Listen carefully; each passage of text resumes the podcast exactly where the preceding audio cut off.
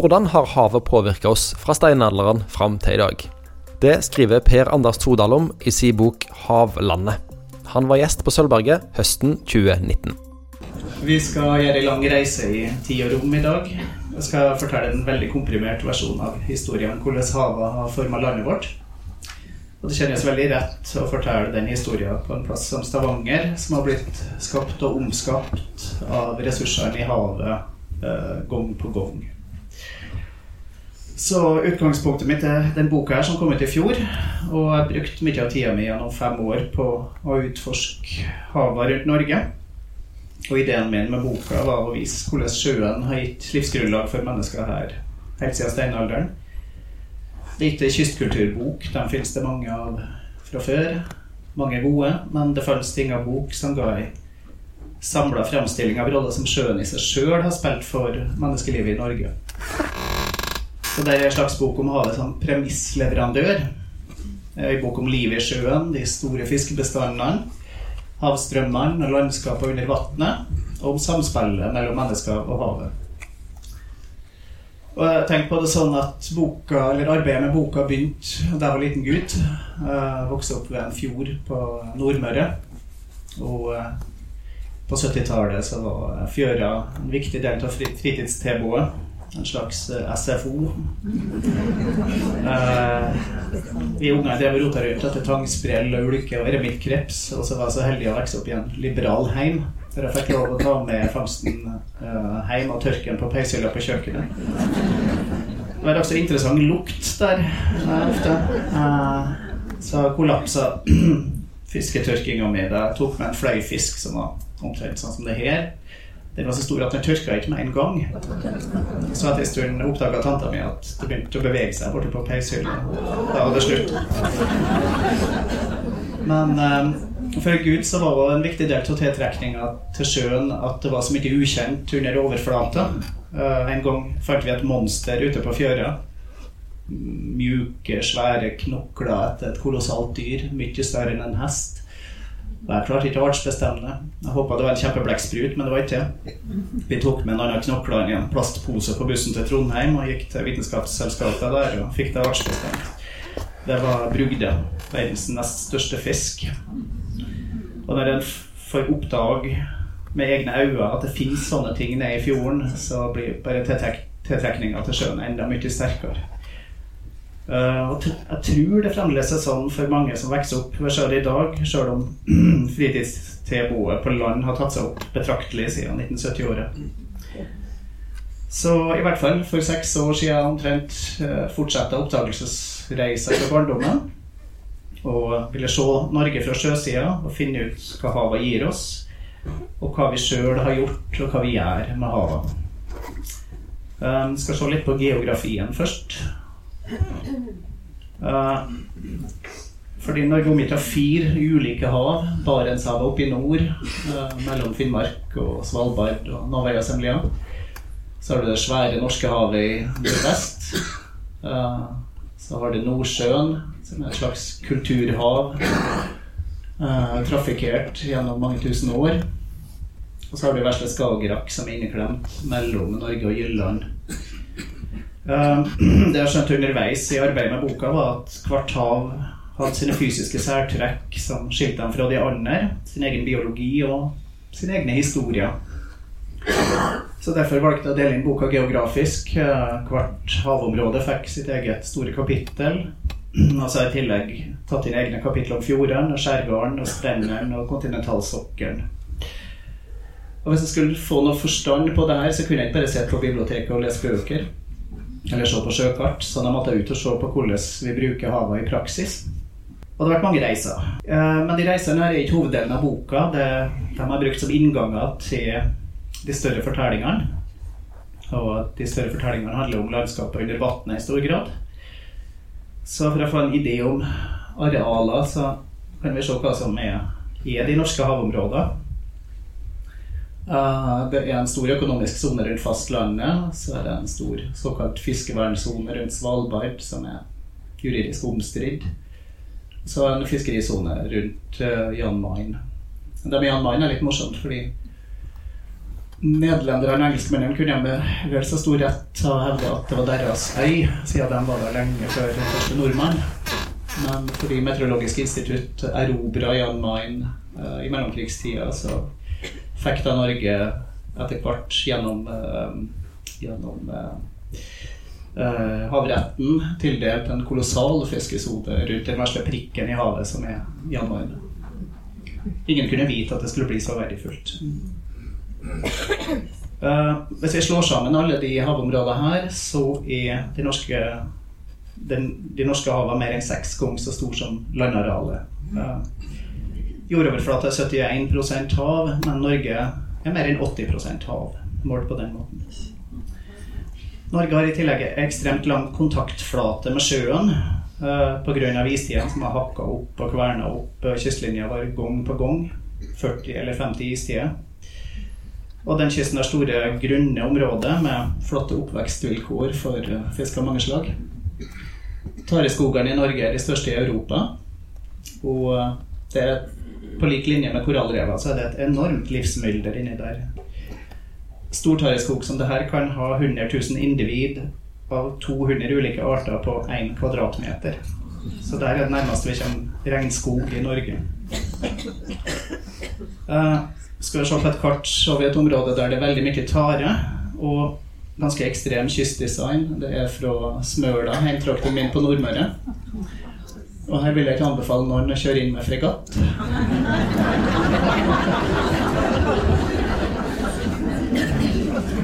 Det er en stakkar som har tært og funnet ut at Smøla har 5847 eier, holmer og skjær, som er det dobbelte av folketallet i kommunen. Skjær i sjøen skal jo vanligvis bety fare og problem, og det det gjør de jo for så vidt her, da.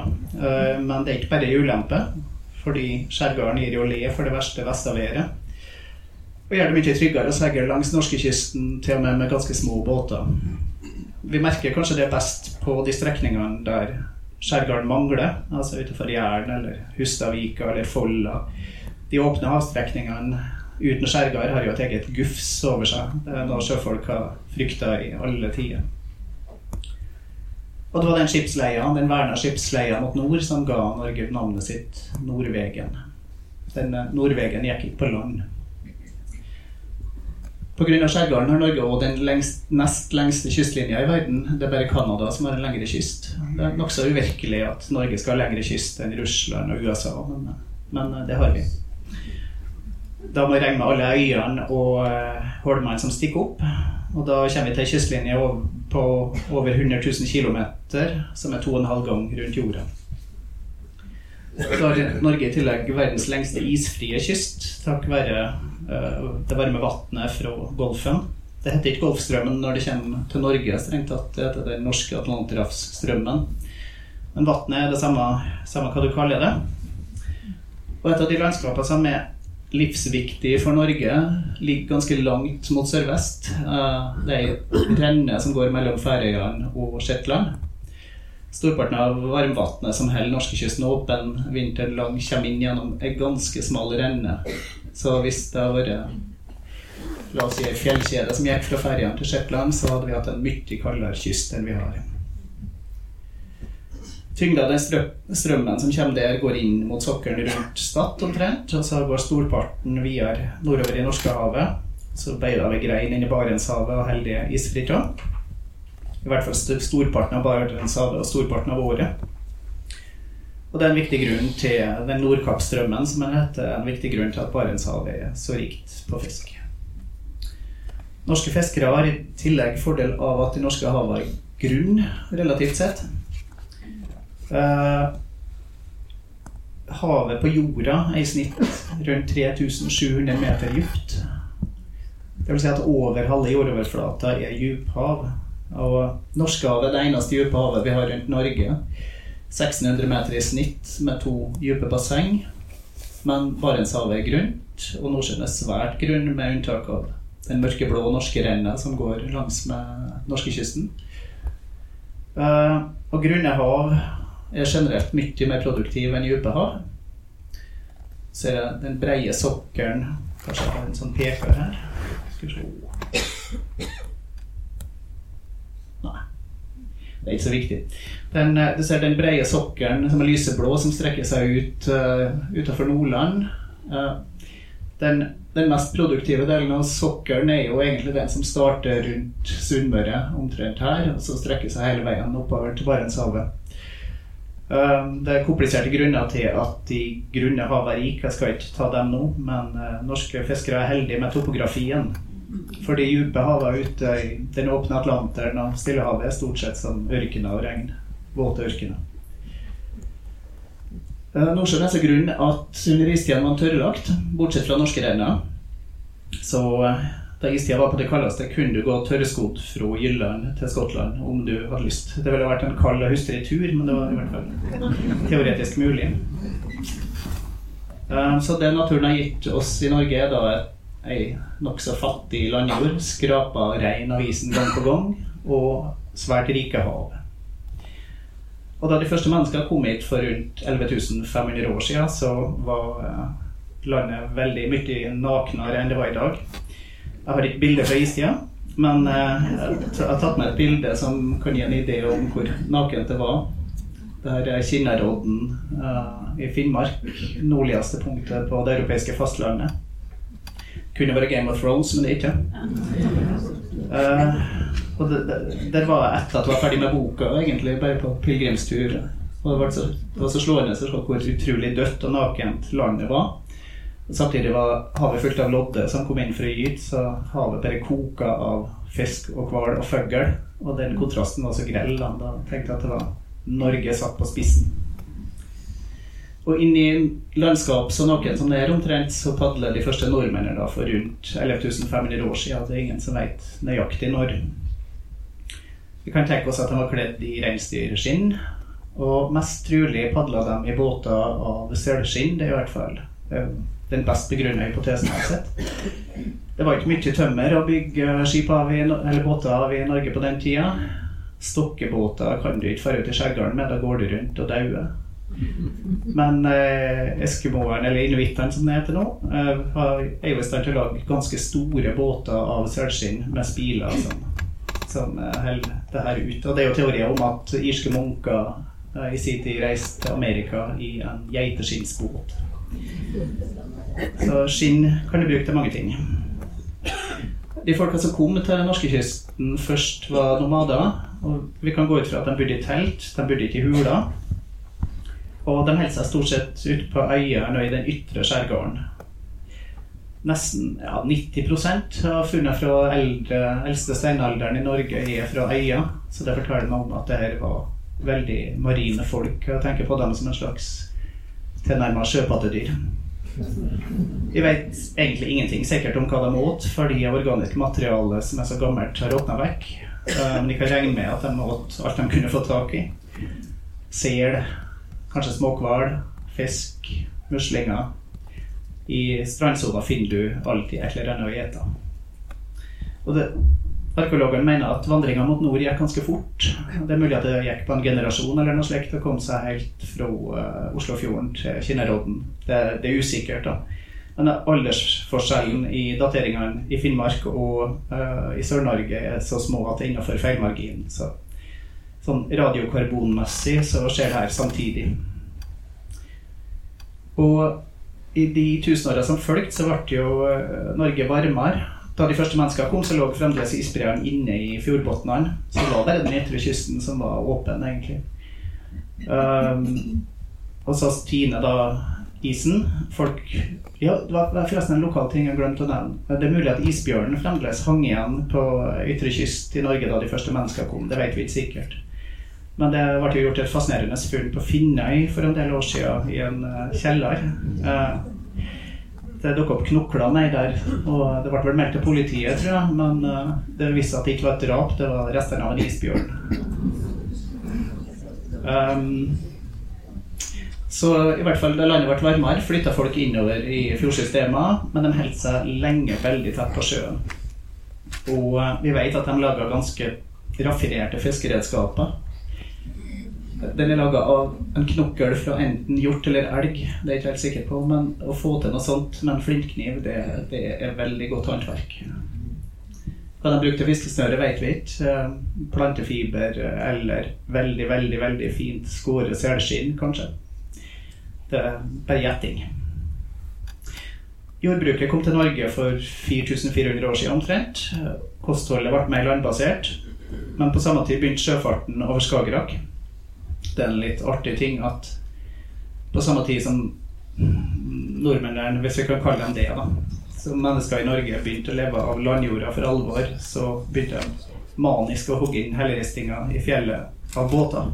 Så veldig mye av helleristingene fra den tida har båtmotiv.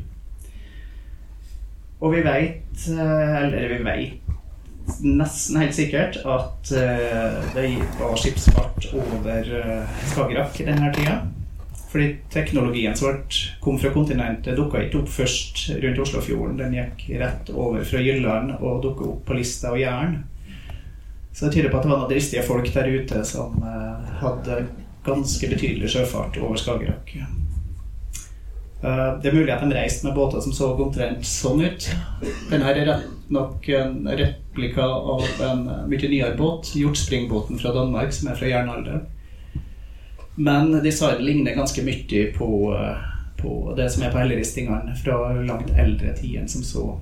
Og den er plankebygd, da. Men en skal merke seg at de rodde ikke heller, de padla. Seilet var ikke oppfunnet. Og hvis du skal padle en båt, så kan du ikke ha så mye fribord. Og det betyr at den farten over Skagerrak må være temmelig risikabel.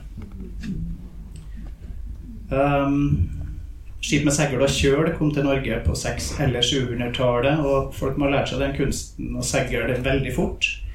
For skipet ble jo det viktigste våpenet til vikingene. Og skipsfarten lå til grunn for den første store eksporten fra Norge en stund seinere.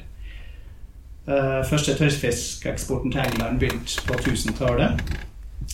Den handelen ga ikke bare grunnlag for Bergen, men også for Nidaros. Både kongen og kirka var sjøl store tørrfiskeksportører på den tida. Det er mulig at frakten til England og seinere eh, til andre plasser på kontinentet foregikk med knarr, som Altså de Begrepene for de eh, skipene fra, fra, middelalderen er litt usikre. Men en regner med at knarren var lasteskipet, og den var da et bedre havskip enn langskipene som var laga for raske manøvrer med åra i skjærgården. Uh, en knarr kunne være i hvert fall 20 meter. Det er en kopi av Klåstadskipet som ble funnet i Vestfold. Men bryggeskipet i Bergen, som kanskje var av typen busse, det vet vi ikke, 30 meter langt omtrent. Så det, folk var da uten sag i stand til å lage svært avanserte havgårdens fartøy. Det er umåtelig imponerende. De reiste 1000 km over Åpehavet til Island. Og de reiste 3000 km fra Bergen til bosettingene på vestsida av Grønland. Så hvis vi kan kalle Norges velde et imperium, så var det et sjøimperium med små kolonier rundt omkring som var knytta sammen over enorme avstander av skipsfarten. Alt kollapset som kjent med svartedauden, og skipsbygginga må ha forfalt fullstendig i den tida her. Um, kontakt med Island og Grønland blir bråtte.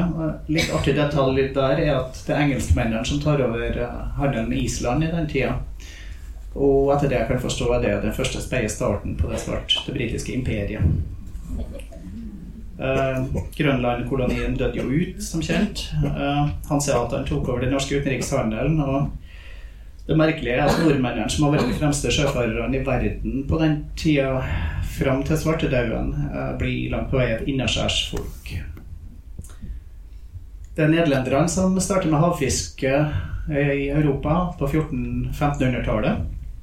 Relativt store skuter og rikelig med salt, sånn at de kunne være ute i flere måneder av gangen fabrikkskip, rett og slett. Så begynner andre land å ta til nederlenderne. Og det merkelige med det her er at de siste landene i Europa, Nord-Europa som begynner med havfiske, det er eh, Norge og Island. Delvis fordi fiskerne her ikke var nødt til å dra til havs. Fisken kom jo inn til kysten. Men eh, det er likevel et slags paradoks her. Norske fiskere blir ikke havfiskere for alvor før eh, langt ut på 1800-tallet. Da er det svenske fiskere som inspirerer folk i Ålesund til å bygge store fiskeskøyter, sånn at folk begynner å dra ut på eggakanten med linefiske. Og derifra så ekspanderer det veldig fort. Det blir profesjonalisering av fiske, det blir kapital i fiske. Og plutselig, tidlig på 1900-tallet, har Norge fått den største motoriserte fiskeflåten i verden. I dag er den norske fiskeflåten svært avansert. Um, blant de uh, best de mest teknisk avanserte i verden. Her er et lite utvalg av norske ringnotbåter ved kai i Egersund. Um, og så skal vi skifte litt takt, fordi uh, vi har tatt et grunnriss av landskapene, og vi har vært gjennom en ekspressversjon av historien. Så nå tenkte jeg å si litt om noen vedvarende trekk ved roller sjøen har spilt for folk i Norge. Uh, det går en lang linje gjennom historien her, i hvert fall tilbake til middelalderen. Det å ha tilgang til en fundamentalt ulik natur, uh, sammenlignet med det folk lenger sør i Europa har, og da særlig den marine naturen, har gitt folk her nord noen spesielle konkurransefordeler. De artigste eksemplene er ikke fra Norge, men fra de norrøne bosettingene på Grønland. Uh, den naturen er enda mer eksotisk. For hva var eksportvarene i Grønland i mellomalderen? Uh, det var nyttige ting som hvalrosshud, som var verdens sterkeste rep, og kunne brukes til ankertau og katapulter. Men det var òg råstoff til luksusgjenstander som uh, Louis Chessman er et mesterverk eh, skåret ut i hvalrosstenner. Det er egentlig flere sjakksett som ble oppdaga på hebridene. Uh, det fins noen få i privat eie, tror jeg. Hvis, hvis, noen finner en sånn på loftet, så er den verdt rundt en million pund. Så bare leit. De kunne brukes til sverdskjefte, de kunne brukes til mange ting. Men det var i hvert fall en eksklusiv vare, fordi det var ikke så mange plasser å få tak i hvalross. Og hvalrossen på Island ble etter alt å dømme utrydda ganske snart etter at eh, mennesker kom dit. Fra Grønland kunne det også en levende isbjørnunger, som var et luksusprodukt som eh, var for eh, rikfolk og konger og keisere rundt i Europa. Eksklusive gaver for diplomatiet. Mm. Henrik 3. hadde f.eks. en eh, isbjørn i dyrehagen sin i Tower, ved Tower of London på 1200-tallet, og den svømte i Themsen når den ble for varm. Den mest uheldige isbjørnen var trolig den som ble sendt til Damaskus.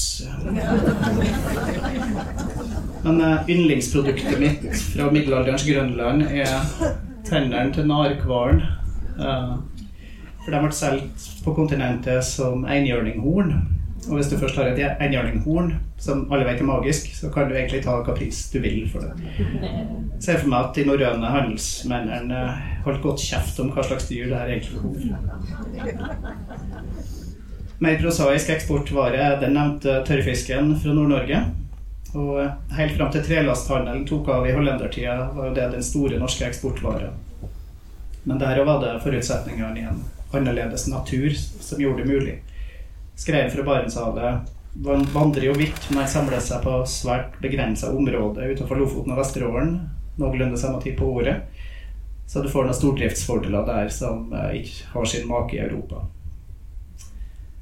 Uh, torsken har vært viktig del av kosten i Norge gjennom hele historien, men noen av naturproduktene våre har blitt attraktive mye senere. Uh, den her, f.eks. Hummeren var regna som svært dårlig mat i Norge. Funnet eksempel på at den ble servert i fengsel. Og den var sikkert ikke helt fersk. Um, men nederlenderne fant ut i renessansen at hummer var kjempegodt. Kanskje fordi de har lest romerske kokebøker, for ved Middelhavet er det en lengre tradisjon for å spise skalldyr. Um, så gjorde den seg veldig godt på stilleben. En fargeklatt. Du finner igjen på mange renessansemalerier fra Nederland. Men utenfor Nederland er det ikke så mye hummer. Og eh, langs norskekysten fantes det masse av den på 1500-1600-tallet. Og det forteller noen ting at du kunne ro rundt med pram eller båt, liten båt og plukke hummer med hummertenger i riktig gamle dager. Hvis du prøver det i dag, så får du ikke mye hummer. der var nok den første arten som ble fiska ned i norske farvann. Um, Britene tok over som hummerkjøpere til nederlenderne. Hummeren ble frakta over sjøen i brønnbåt. Brønnbåtene kom allerede på 1500-tallet.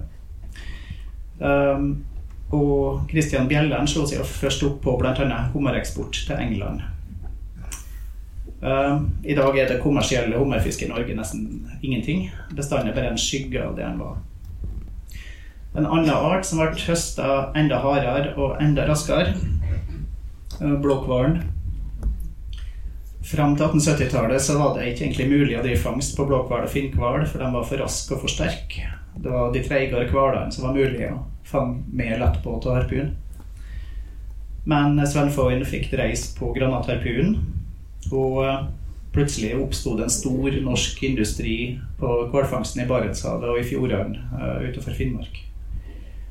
Uh, på bare 30 år ble de store hvalene nesten utrydda i nord. Og så dro hvalfangerne videre til Antarktis for å fortsette nedslaktinga der. Så jeg er ikke for all hvalfangst, det vil jeg gjerne understreke. Uh, en art som har vært viktig for nordmenn mye lenger, ikke minst i Stavanger, silda. Den har vært på dietten i Norge helt siden steinalderen, det vet vi. Eh, det finnes sildebein på buplasser i, um, tror de var i bruk allerede i eldre steinalder. Jeg lurte en del på hva de fiska med. De, det er greit at de var flinke til å lage fiskekroker, men klarte de å lage så små kroker at de kunne få sild? Det er jeg ikke sikker på. Jeg ville tippe at de brukte korn eller nøter. Um, det finnes mange ulike sildebestander i de norske farvannene. Det finnes til og med noen lokale bestander inni somme fjorder. Men den viktigste sildebestanden for nordmenns del har vært den såkalte vårgytende silda. Eh, jeg tipper at de som prøvde seg fingre og tær på sildefiske i februar, ikke tenkte på den silda som særlig vårgytende, men det er en annen sak. I hvert fall i gode år er bestanden av NVG-sild eh, kolossal. Eh, over 10 millioner tonn. Den største fiskebestanden i Nord-Atlanteren og en av de store i verden. Og jeg skulle si litt om hvorfor den sildebestanden har vokst seg så stor. Det handler delvis om strømmer om topografi. Livet til NVG-silda spenner over tre hav. Hun uh, lever det meste av livet sitt på beiting ute i Norskehavet. Så trekker hun til norskekysten på ettervinteren for å gyte. Og så kommer det interessante da etter gytinga rek sildelarvene med kyststraumen, uh, de blå pilene som følger kysten her. Og den uh, transportåra der går hele veien opp til Barentshavet, der silda vokser opp og har sine unge år før hun går ut i Norskehavet og fullfører syklusen. Og den samme reisa med et litt nordligere utgangspunkt har jo da torsken sin, sitt avkom. Eller skreien, rett og slett. Um, og igjen, som med skreien, den fortettinga av veldig mye sild på små areal i gytetida gjør det jo mulig å ta svært store fangster på svært kort tid. I dag er det ikke så viktig. Da kan du gå etter silda hvor som helst. Men uh, i tida til de små båtene, og før motoren og før ringnota og alt det her, så var du avhengig av at silda kom til deg. Um, men der torsken er ganske trufast, så er silda ustabil. På Vestlandet har sildeperiodene kommet og gått uh, så langt tilbake det fins kilder. Sikkert mye lenger, sikkert siden istida. Det var sånn 60-70 rike sildeår på Vestlandet, altså kanskje 30 år nesten uten sild. Det er noen som hevder at det har ført til en ulik mentalitet på Vestlandet sammenlignet med Nord-Norge. Fordi vestlendingene måtte eh, lære seg å hive seg rundt på veldig kort tid ved silda kom, mens nordlendingene ble mer sedat fordi de, de visste jo at skreien kom. Litt mer og litt mindre, men de kunne gjøre det samme som i fjor. På Vestlandet var jo silda bort så lenge at garna hadde råtna vekk, og kunnskapen hadde delvis blitt glemt uh, siden sist, så der måtte en virkelig hive seg rundt når silda kom tilbake. Men silda har ikke alltid vært en stor eksportartikkel i Norge, og det handler delvis om konservering.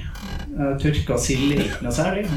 Silda er feit og harskner lett, så du kan ikke konservere på samme vis som torsken. Og så har salt vært et dyrt og knapt gode i Norge gjennom det meste av historien. I Norge var, det jo, var metoden å koke ut salt av sjøvann. Det er fullt mulig å gjøre det, men det er tungt og arbeidskrevende. Uh, vi vet at det skjedde. Norskekysten er full av stadnavn som Saltnes og Saltholmen og Salhus. Men det her ga et salt av ganske dårlig kvalitet. Så uh, i mellomalderen var det hanseateren som var herskere over skillemarkedet i Europa. De hadde tilgang på bergsalt fra saltgruvene på land. Og sild fikk de fra det store fisket i Øresund.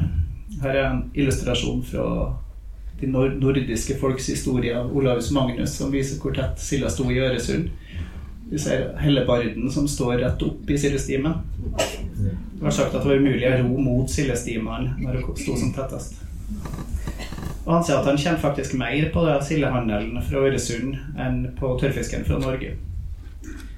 Senere tok nederlenderne over sildemarkedet i Europa med sild fra Nordsjøen. Og så først på 1800-tallet så blir det sildeeksport som monner fra Norge.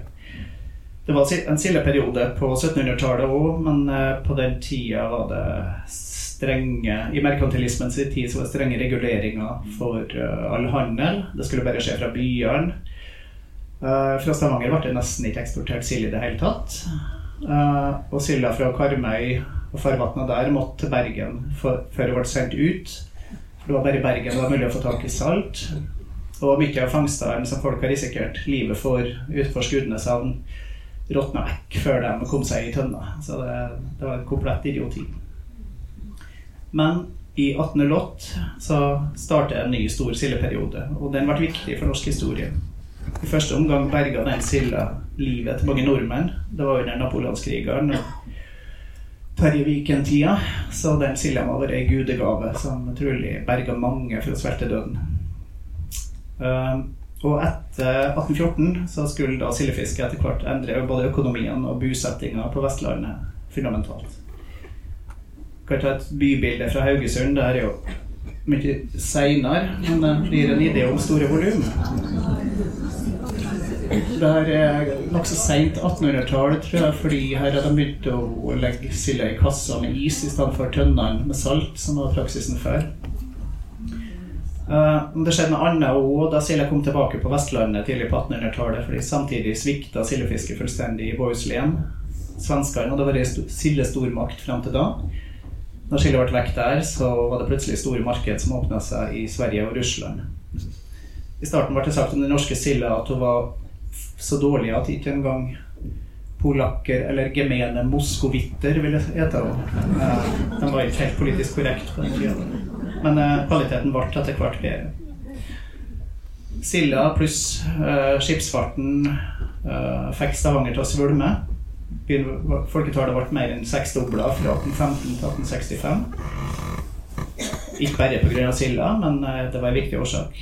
Haugesund var stort sett bare silda, og der ble folketallet sjudobla på ti år, fra 1845 til 1855. Så er det noe sånn merkelig anakronistisk med det her, fordi bosetting basert på migrasjon til et fiskeslag Det høres ut som noe steinaldersk, men i Norge så skapte faktisk silda nye byer og endra bosettinga. Og for mange var jo sildefiske det som førte dem inn i pengeøkonomien og vekk fra naturalhusholdet. På 1800-tallet får du folkevandring innenfor Norge som ingen har tallfesta. Jeg har prøvd, det er veldig vanskelig. Men uh, folk flytter i hvert fall fra innlandet til kysten. Jeg vil ikke utelukke at antallet mennesker som dro fra innland til kyst, kunne nærme seg migrasjonen til Amerika på 1800-tallet, men det er veldig vanskelig å tallfeste. Fordi det moderne Norge var i veldig stor grad skapt ved kysten. Så forsvant silda i 1870, og den krisa som ramma Stavanger da silda forsvant og seilskutetida ebba ut, for oljeprisfallet i 2014 til å virke ganske trivielt. Bankene gikk dukken, massearbeidsledighet, fattigdom. Og så er det på, i denne krisa at folk i Stavanger eh, finner ut at også små ressurser i havet kan være lønnsomme. Så berginga var veslebror til Silja, Brislingen. Uh, Brislingen i Ryfylkefjorden har vært fattigmannskost i beste fall uh, inntil da. Uh, gjerne dyrefòr, for den del. Uh, men da hermetiseringa av brisling begynte i Stavanger i 1879, så endra det raskt bildet. Tidlig på 1900-tallet var plutselig brislingen blitt den nest best betalte fisken per kilo i Norge etter laksen.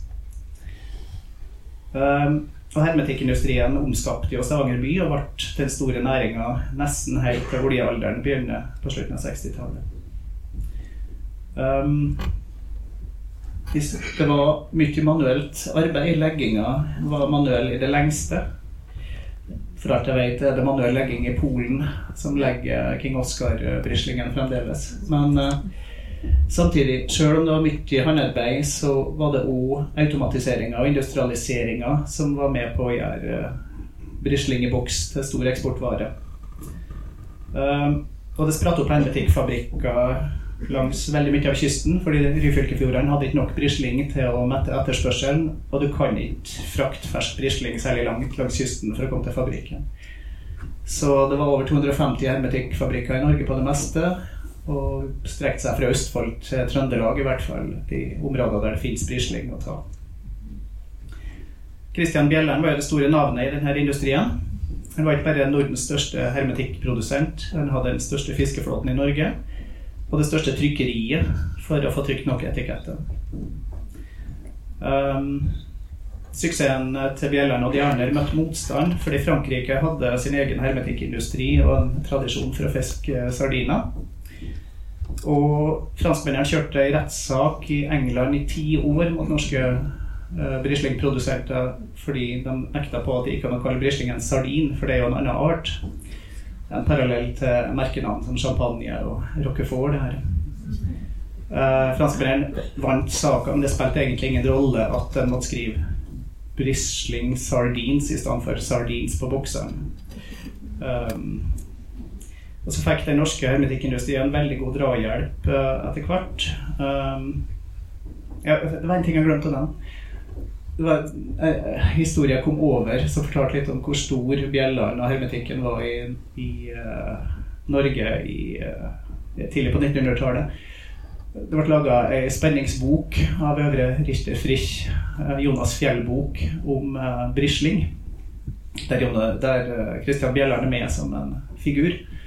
For da er det en ond franskmann og en ond belgier som lager et skip med et stort lysende øye under, som seiler opp til, eh, til norske farvann til Nordsjøen og lokker til seg all brislingen for å ødelegge norsk hermetikkproduksjon. Jonas Fjell ordner saka. Um, et særtrekk ved brislingen er òg at Gjennom tusen år så har nesten all norsk fiskeeksport vært eksport av ganske primitive eh, råvarer. Anonyme råvarer som skrei, og for den del dagens oppdrettslaks. Men eh, sardin eller brisling på boks var jo uh, uh, merkevare, eller mange mange merkevarer. Og det var et ferd, raffinert ferdigprodukt som kunne gå rett inn på kjøkkenet til folk. Så ble jo markedsføring veldig viktig. Den første reklamefilmen i Norge forestiller viser egentlig brislingens vei fra sjøen og via fabrikken og helt inn på matbordet. Så ble jo Iddisand et kulturfenomen. Eh, jeg vet ikke hvor mange tusen ulike etiketter det ble laga i den industrien her. Men det er jo en overflod. Hermetikkmuseet har mange av dem. Den mest kjente var jo 'Mann med fisken', eh, som var tegna av Kittelsen. Men det ble brukt uh, både celebriteter og kongelige. Akkurat det med kongelige var jo en særlig fascinasjon. Det må være rift om hvem det var som skulle få lov til å bruke navnet til uh, hvilken person i kongehuset. Så var jo hermetikkindustrien store krigsprofitører under første verdenskrig. Hermetikk ble egentlig laga som en slags våpen i krig. Det ble oppfylt under napoleonskrigeren for å finne en måte å konservere mat på som gjorde at en kunne ta med seg mat, holdbar mat ut i krigen. Uh, og under første verdenskrig så nådde eksporten av uh, brisling fra Norge nye høgder. Og så var jo folk ganske flinke til å snuse rundt, så det ble eksportert jeg vet ikke, omtrent like mye til begge sider i krigen. Men designen på bokseren kunne ikke være den samme hvis det skulle, skulle selge i Tyskland og hvis det skulle selge i England. De her selger f.eks. veldig dårlig i England. Men den, den dreieste boksen fant jeg en artikkel om uh, hos Hermetikkmuseet. U9. U9 Brisling. Uh, du ser så vidt periskopet til ubåten U9, som ble kjent i Tyskland fordi det klarte å senke tre britiske kryssere på én dag. De ser så vidt et par av krysserne som søkker i bakgrunnen. Det, det er ganske kynisk. Um, Brislingen er et godt eksempel på fenomenet som går igjen i historien om Norge og havet. Naturen er et fundament som ligger der og er ganske lik seg sjøl fra år til år. Men i hver epoke kommer det ny teknologi og nye marked som gjør at vi kan utnytte naturen på nye måter. Dette er et eksempel på det. Eh, jeg syns det er et artig poeng at oppdrettsnæringa nyter godt av den samme skjærgarden som de første seljegerne for rundt og, og uh, seg på for 11 000 år siden. Men oppdrettsnæringa er jo fundamentalt ulik fiske og fangst, industriell matproduksjon og ikke sanking eller høsting. Det er selve kystlandskapet som er naturressursen, og der ligger det jo åpenbart en grunnrente, sjøl om oppdretterne sjøl insisterer på at de ikke gjør det. Men det er bare litt rar grunnrente i og med at det er landskapet som er ressursen. Um, jeg har et langt kapittel om oppdrett i havlandet. og jeg skal ikke gå så langt inn i det her, for da tar det en time til. Men jeg prøvde å holde en viss balanse. Det er en veldig polarisert diskusjon uh, om oppdrett. Uh, jeg prøvde å få med, få med flere perspektiver her. Uh, konklusjonen min er at det er på høy tid å lukke anleggene. Teknologien fins allerede. Det handler om vilje. Ehm, så kan jeg konstatere at det er en kolossal økonomisk suksess, men de økologiske konsekvensene er usikre. Vi vet for lite om hva det her gjør med livet, særlig inne i fjordene. Um, ja. Um, så er det et annet ting med oppdrett. Nesten hele suksessen til oppdrett i Norge handler om én art, laksen. Og jeg tror jo at potensialet for andre typer havbruk eh, langs norskekysten er svært stort. Uh, hvis vi tar fantasien og fagkunnskapen til hjelp. Litt av problemet er jo at suksessen til laksen er så formidabel at uh, det er vanskelig å Eller lite motiverende å prøve seg på noe som er mindre lønnsomt. Men det er mulig å gjøre andre ting langs norskekysten enn det vi gjør i dag. Så ligger det en lærdom generelt her. Vi kan ikke vite hva verdier som kommer til å bli oppdaga i havet eller under havet i framtida. Det poenget finner vi òg i historien om norske oljeeventyret. Her er Ekofisk på 70-tallet. Det ble sendt et berømt brev fra Norges geologiske undersøkelse til Utenriksdepartementet i 1958 av statsgeolog Kristoffer Oftedal. UD hadde bedt om et råd til havrettsforhandlingene i Genéve og lurte på om det var noen sjanse for å finne noe verdifullt i havbunnen. Så var svaret at uh, man kan se bort fra muligheten for at det skal finnes kull, olje eller svovel på kontinentalsokkelen langs den norske kyst. Ok, uheldig formulering, men uh, Oftedal uh, insisterte senere på at han bare hadde snakket om den norske sokkelen som er nærmest kysten. Og norskerenna er jo rett utenfor kysten og inne på den vesle tunga med land som stikker ut uh, ja, nærmest fastlandet, så er det jo fremdeles ikke funnet olje eller gass. da. På et vis hadde den rett. Men det vi nordmenn skal være veldig glad for, er at, ble, at Nordsjøen ble delt opp etter midtlinjeprinsippet i sin tid. fordi hvis en hadde tenkt ut fra en fysisk definisjon av kontinentalsokkelen, så hadde det ikke blitt mye olje på Norge. Eh, både fra Danmark og fra eh, England Skottland så strekker jo den grunne Nordsjøen seg helt bort til norskeregnet. Um, der hadde vi flaks. Igjen. I Danmark er det et sagn om at Per Hekkerup ga bort ekofisk i fylla. Uh, det har vært kalt danmarkshistoriens dyreste brandert, men uh, det er visstnok et vandresagn. Vi har flere X-faktorer i havet. Vi kan ikke vite hva arter som kommer til å dukke opp. Snøkrabben begynte å dukke opp i Barentshavet på 1990-tallet. Ingen vet om den kom sjøl, eller om russerne har sett den ut. Men den har ekspandert kolossalt fort og erobra store deler av Barentshavet allerede. Og somme forskere tror at den kan bli like lukrativ som torsken på sikt.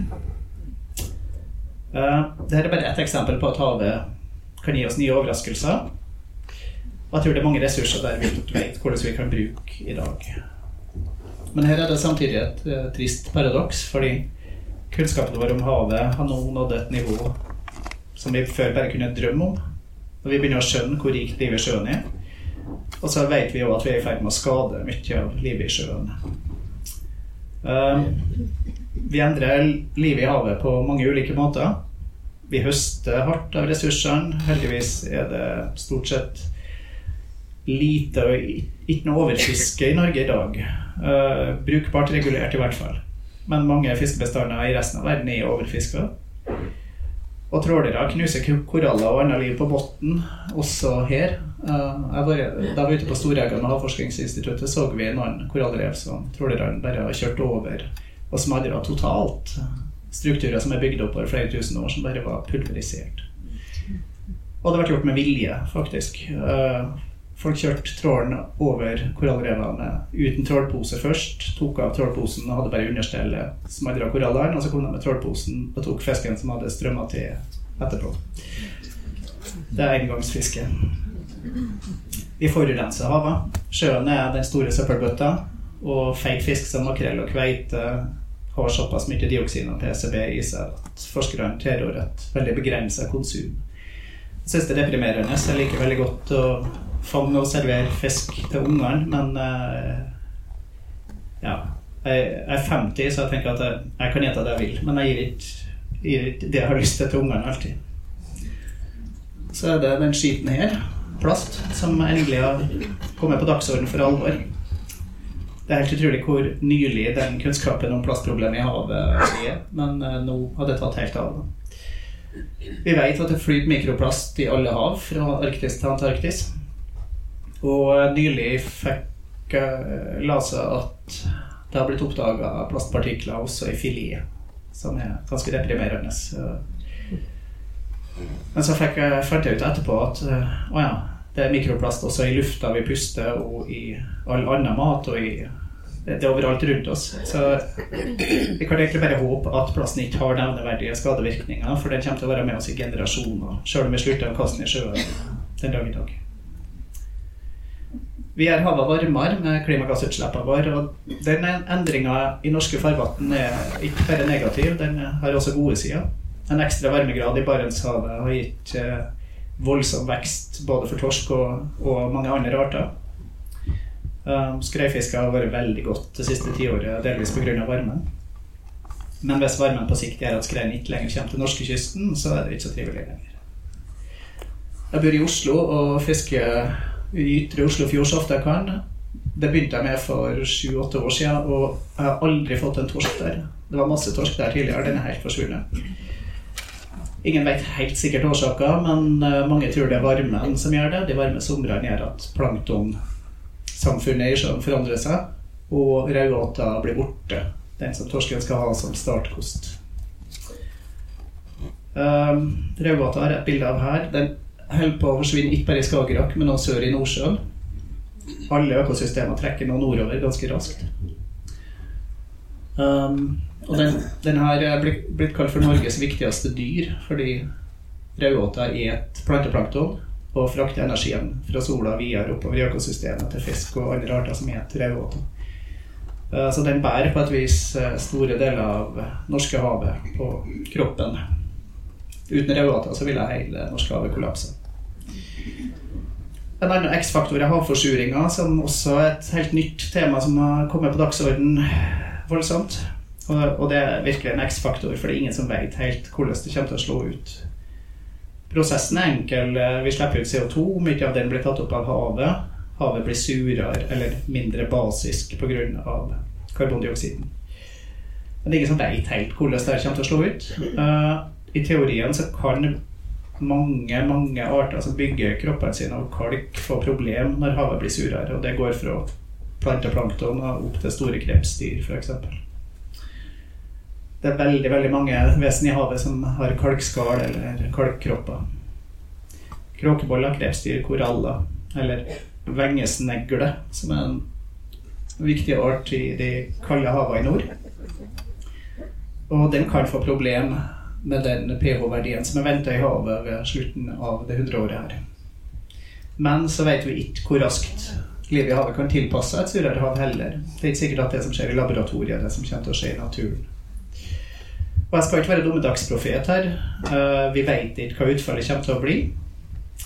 Uh, jeg registrerer en annen hyggelige ting på Nordmøre når jeg fisker. Lysingen har kommet dit for alvor i de siste åra med varmen, og det er en fantastisk matfisk.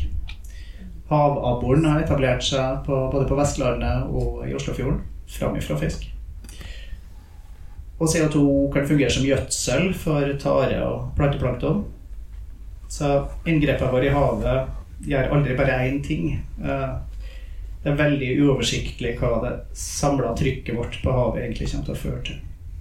Men ut fra det jeg leste meg til sjøl, så tviler jeg på at summen av den påvirkninga fra mennesket egentlig er det gode. Eh, og forholdet vårt til havet er nå inne i en helt ny epoke. Fordi landjorda har jo mennesker forandra grunnleggende helt siden steinalderen. Vi har brent eller hogd ned skogene.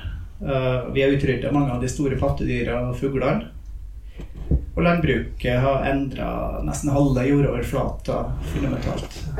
Men jeg finner en viss trøst i at trolig har vi aldri klart å utrydde en saltvannsfisk. Til nå har havet vært mye mer resistent mot vår påvirkning enn livet på land. Nå kan vi forandre livet i havet og begynne å skru på de store, store variablene. De endringene vi skaper, blir ikke slutten på livet i havet, men vi er i stand til å gjøre skade i et omfang som vi ikke overskuer. Og der tenker jeg på oss som en veldig god grunn til å se strengt på levemåten vår i dag og spørre oss hva vi trenger. Og jeg tror vi mennesker virkelig trenger et levende hav. Tusen takk for oppmerksomheten.